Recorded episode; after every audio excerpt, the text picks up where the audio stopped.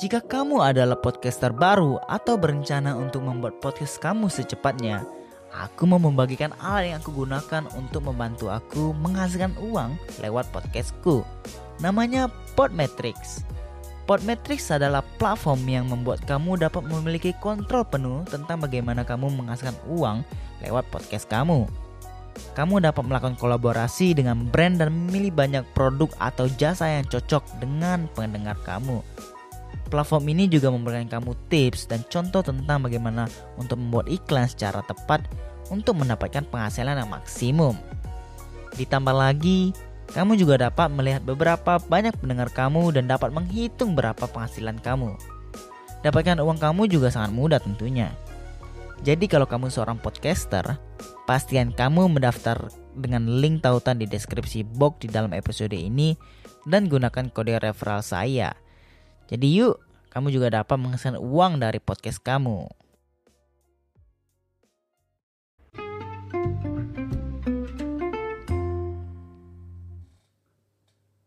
Selamat datang di obrolan ID. Bagi yang mau berpodcast Ria bisa pakai Anchor gratis. Sip. Uh, apa kabar kalian semua? Semoga kalian baik-baik saja di mana pun kalian berada. Uh, ya. Gue harap kalian sehat-sehat selalu. Gue harap kalian um, apa ya? Baik-baik saja. Uh, seperti biasanya. Eh. Musik uh, terus um, gue baru gue baru saya makan.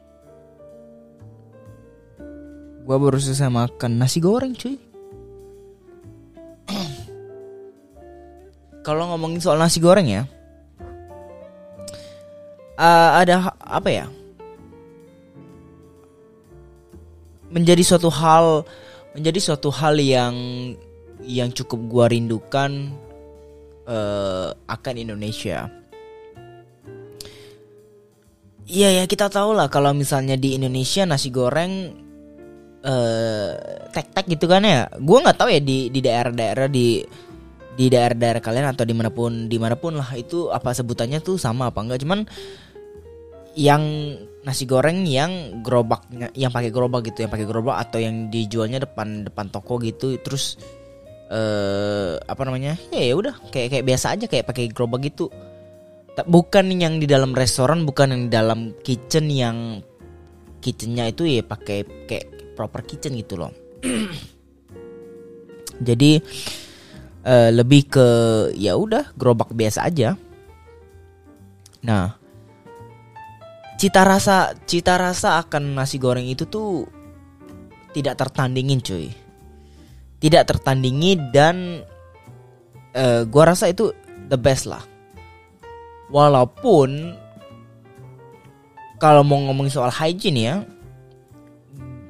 tid gue nggak tahu deh misalnya gini standar hygiene-nya itu tuh kita mau kita mau berapa gitu loh. Let's say gini hygiene-nya itu antara bintang 1 sampai bintang 5 gitu kan.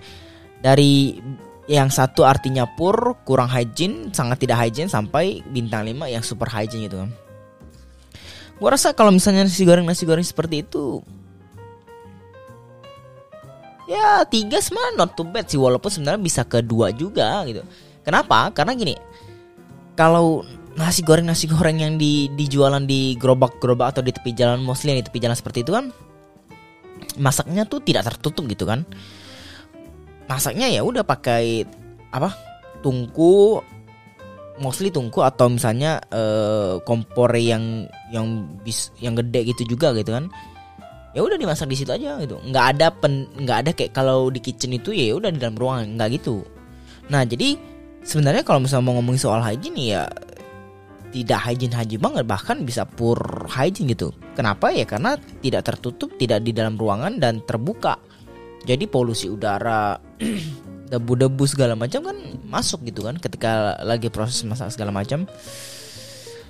Tapi kalau ngomongin soal cita rasa cuy no debat gitu loh. Uh, no debat dan dan itu yang menurut gua gua kangenin dari dari nasi goreng. Kalau misalnya ngomongin soal nasi goreng gitu di Indo gitu. Uh, karena di sini nggak ada seperti hal di sini nggak ada nasi goreng nasi goreng yang dijualan di tepi-tepi jalan seperti itu. Dan sangat jarang juga kita menemukan orang-orang yang masak nasi goreng walaupun ini jualan ya restoran gitu ya yang menggunakan tungku seperti layaknya orang-orang yang jualan di Indonesia yang di gerobak-gerobak tepi jalan itu gitu. Jarang jadi karena beda sekali gitu. Kita bisa kita bisa ngerasain kita bisa langsung notice perbedaan rasa dan apa ya bau-bau akan pembakaran-pembakaran yang asli dari tungku. Dan di kompor-kompor biasa itu tuh jelas berbeda gitu. Ya pasti kita tahu lah ketika kita masak nasi goreng sendiri di rumah dan ketika kita beli di luar ya jelas beda gitu.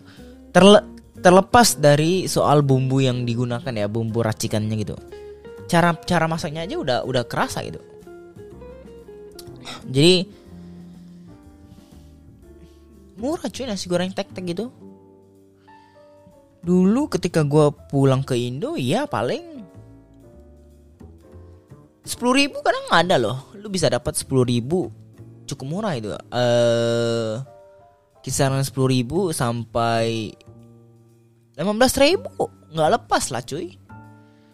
Itu murah sekali gitu loh. Dengan kadang na, apa nasi yang diberikan itu tuh juga cukup cukup banyak gitu.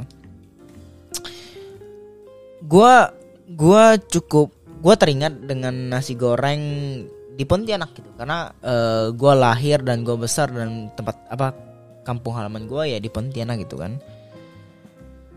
Eh uh, ada satu nasi goreng namanya nasi goreng sampah. Jadi buat teman-teman pendengar-pendengar dari Pontianak ya kita relate nasi goreng sampah. Walaupun sebenarnya kalau dari segi rasa itu bukan nasi goreng dengan cita rasa terbaik di Pontianak? Tidak tidak. Gue bisa bilang kan. Masih banyak sekali cita rasa cita jauh lebih enak. Cuman tapi itu tidak buruk gitu. Itu tidak buruk dan itu enak. Cuman tidak bisa tidak tidak tidak tidak the best gitu loh. Tidak yang paling paling enak tidak. Cuman enak. Enak enak enak en, uh, enak banget. Uh, dan yang paling enak itu ya karena nasi yang di serve itu banyak gitu loh.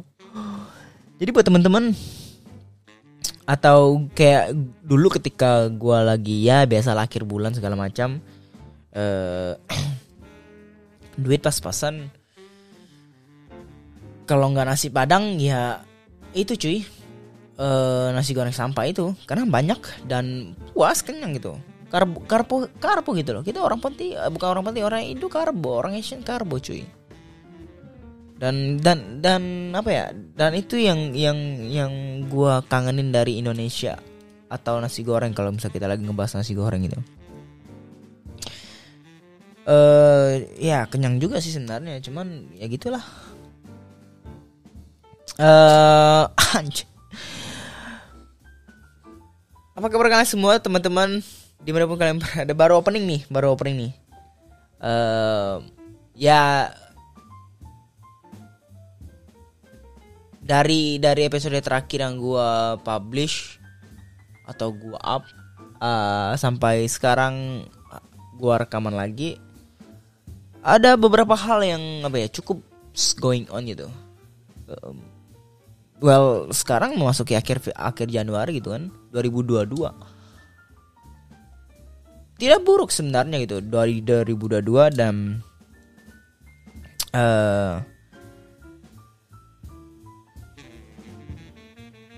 ya yang kita tahu ada beberapa hal ada beberapa hal yang yang cukup apa ya yang yang terjadi uh, belakangan-belakangan ini.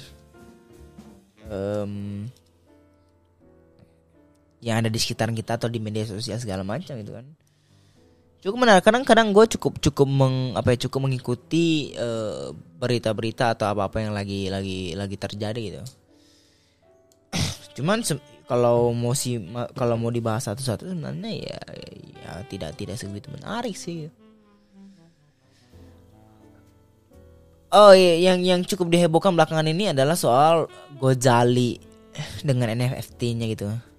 Cuy seorang pemuda Indonesia menghasilkan miliaran rupiah dengan foto selfie-nya sendiri gitu. Kadang gue nggak habis pikir gitu. Gue gua, gua udah tahu soal teknologi, gue udah tahu soal cryptocurrency, gue udah tahu soal blockchain, walaupun gue tidak ahli ya. Gue udah tahu soal uh, eh, NFT gitu, non fungible token, non fungible token gitu. Cuman ketika akhirnya ada berita yang dicukup yang cukup menghebohkan terjadi beberapa pekan terakhir atau ya beberapa pekan terakhir lah Seorang pemuda menghasilkan miliaran rupiah dari foto selfie-nya selama lima tahun dan karena kalau ngeliatnya tuh dunia tuh lucu juga gitu. Terus uh, semenjak semenjak itu apa ya? Semenjak itu gua gua gua iseng gitu loh. Gua iseng uh, coba nge-share atau ngebuat NFT gue selfie gue juga itu cuma iseng-iseng doang itu terus gue post dengan di di marketplace-nya NFT itu.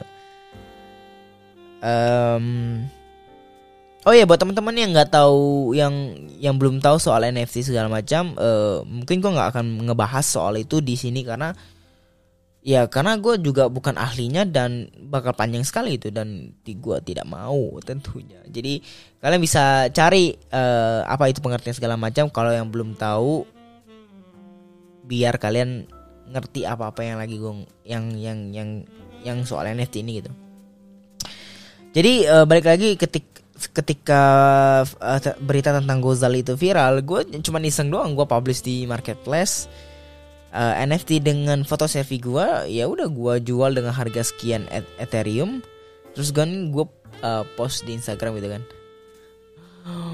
Banyak sih ya, maksudnya feedback dari teman-teman di Instagram tuh cukup cukup lucu gitu loh.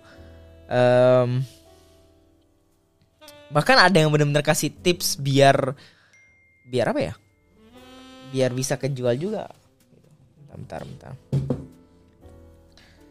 Um, Wow.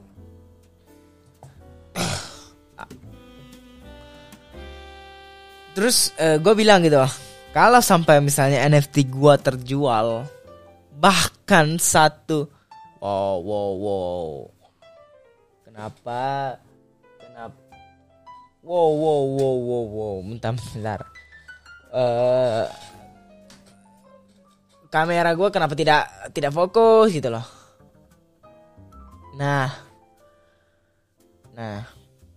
La la la la la la la la la la la. Bentar bentar guys. Sorry sorry sorry sorry. Yeah. Keterangan dong.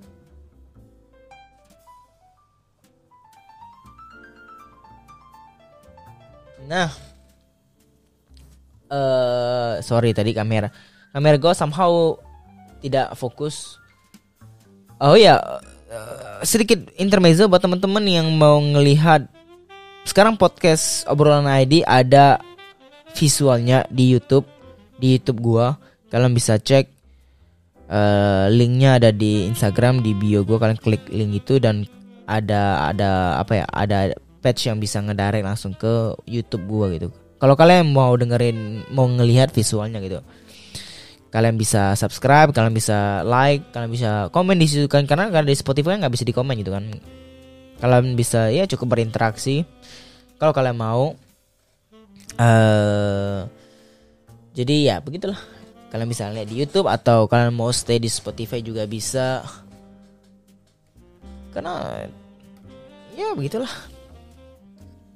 Oh ya balik lagi ke balik lagi ke ke NFT itu ya gue bilang kalau misalnya sampai NFT gue itu terjual dengan semini-mini mungkin 0,5 ETH, ETH atau 0,0 sekian FT pokok terjual aja gitu kan. Gue udah nggak habis mikir lagi gitu loh.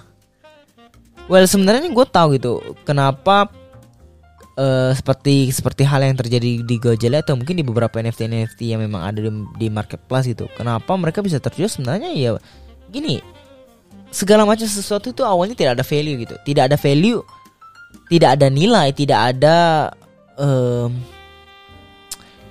ya tidak ada value lah tidak ada nilainya. Nilai intrinsik atau nilai apa pun itu sampai ada orang yang atau ada sekelompok orang-orang yang mengafirmasi atau menyetujui secara bersama uh, kalau benda ini atau hal, hal ini atau aset atau apa pun itu mempunyai nilai gitu kan sama aja main kayak uang kertas gitu loh itu cuma kertas sebenarnya kan cuman karena akhirnya orang menilai itu mempunyai value, mempunyai mata uang, mempunyai nilai, ya udah makanya mempunyai ya udah makanya ada ada value di situ gitu. Ada nilai di situ dan itu menjadi hal yang diperbukan atau hal-hal orang-orang incar gitu. Arinir itu cuma paper, paper yang ditulis dengan number-number doang gitu. Jadi sebenarnya hal seperti itu tuh ya bukan hanya sebenarnya bukan hanya karena apa-apa yang misalnya story-story yang pengen dipublish sama orang-orang yang memang menjual gitu. Karena memang ada orang-orang segelintiran orang yang yang akhirnya membawa barang tersebut atau membawa tren tersebut naik dan dan terjadilah akhirnya namanya hype atau viral atau apa apalah itu segala macam kan. Jadi ya sebenarnya gua tahu gitu kalau hal-hal ini tuh kalau maksudnya punya gua ya NFT gue itu ya nggak bakal terjual. Gue cuma diseng-seng doang gitu. Gue bilang kalau sampai terjual udah gue nggak habis mikir lagi. Cuman um, it's okay. We'll see. We'll see how's the trends going. Uh, cuma iseng doang sih.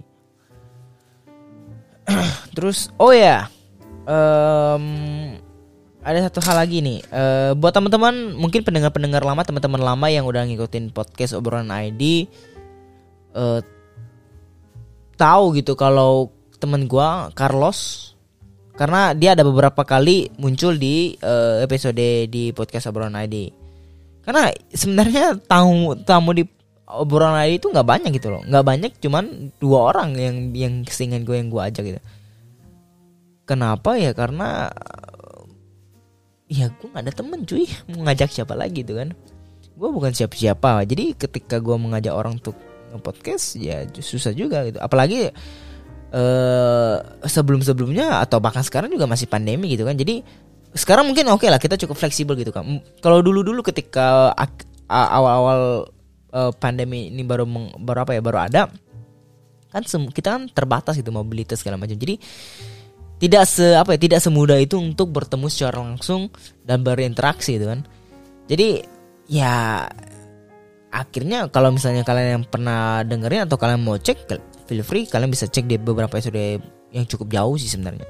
Biasanya kayak gua sama Carlos ketika gua ngajak dia untuk nge-podcast ya via via Zoom bukan Zoom juga sih via apa ya video call atau ya video call atau voice call gitu jadi cukup cukup susah sih sebenarnya kalau misalnya bisa bisa aja cuman cukup susah gitu. Lebih enak kan kalau kita berinteraksi secara langsung gitu di, di sebelah kita nih orangnya nih. Ada presentnya gitu. Oh ya ngomongin soal Carlos uh, kabar baik datang dari Carlos uh, akhirnya visa dia uh, kembali di approve dan dia bakal ke sini sih. Jadi ya ya Carlos teman-teman teman baik gua teman dekat gua gitu loh. Uh, dia sebenarnya udah udah pengen pergi dari 2020 kan cuma somehow pandemi ada dan akhirnya uh, perbatasan segala macam ditutup kan di beberapa negara termasuk di Australia. Goblok gua kejut si anjir. Kalau tadi kalian dengar ada orang suara ngobrol um, itu suara guru gua bekas suara guru gua. Jadi se sebelah gua ini setupnya adik gua gitu loh. Sebelah gua setupnya adik gua. Dan dia lagi kelas online gitu kan. Uh, gua nggak tahu kirain gua nggak ada nggak speakernya segala macam dimatiin. Jadi ya udah tahu-tahu guru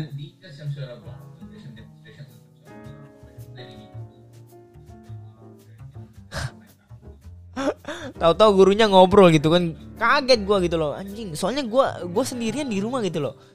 Gue sendirian di rumah gelap-gelap nih. Sebenarnya gelap nih. Gue nggak tahu kenapa cahayanya bisa ah tuh tuh umur. Gue nggak tahu kenapa cahayanya bisa terang. Oh mungkin karena ISO-nya gue set otomatis jadi cukup tinggi gitu loh. Jadi kalau buat orang teman-teman yang ngeliatin di YouTube kelihatannya terang gitu. Tapi sebenarnya ini gelap gitu. Gue matiin semua lampu. Ini ada satu bantuan lampu kuning ini cuma dari apa ya des deslime gue tadi kalau nggak takutnya tuh fokusnya bakal lari-lari gitu. Nah, jadi gue sendirian di rumah gelap-gelap tiba-tiba ada orang ngobrol gitu. Kaget dong gue bener-bener seketika jantung gue tuh langsung kayak kayak copot gitu loh. Gue nggak tahu suara gurunya bakal kepika apa enggak. Karena cukup dekat gitu loh. Karena cukup dekat dan uh, suaranya keras gitu. Uh, but anyway Carlos balik lagi ke Carlos. Carlos uh, akhirnya mengapply kembali visa dia yang kemarin sempat pending gara-gara corona. Dan akhirnya di approve kabar baik ya kabar baik buat dia kabar baik buat gua. Jadi uh, ya paling tidak temen gua salah satu temen gua datang gitu kan. Jadi gua ada teman lagi gitu ada ekstra teman lagi gitu um, belum tahu kapan dia bakal berangkat gitu. Cuman pasti ya udah dia berangkat ya. Nah ketika dia berangkat nanti ketika dia udah di sini ya mungkin ketika gue pengen ngajak dia untuk berpodcast ria ya enak ada di sebelah gue gitu kan. Um, ya itu, itu doang sih paling buat episode kali ini. Uh, tidak banyak yang pengen gue gue sampaikan selain dari apa-apa yang sedang what's going on gitu loh. Beberapa pekan terakhir beberapa hari terakhir um, ya. Gua harap kalian baik-baik saja. Uh, sehat-sehat selalu. Kita ketemu lagi di kita ketemu lagi di episode selanjutnya. Gua Erwin pamit undur diri. Bye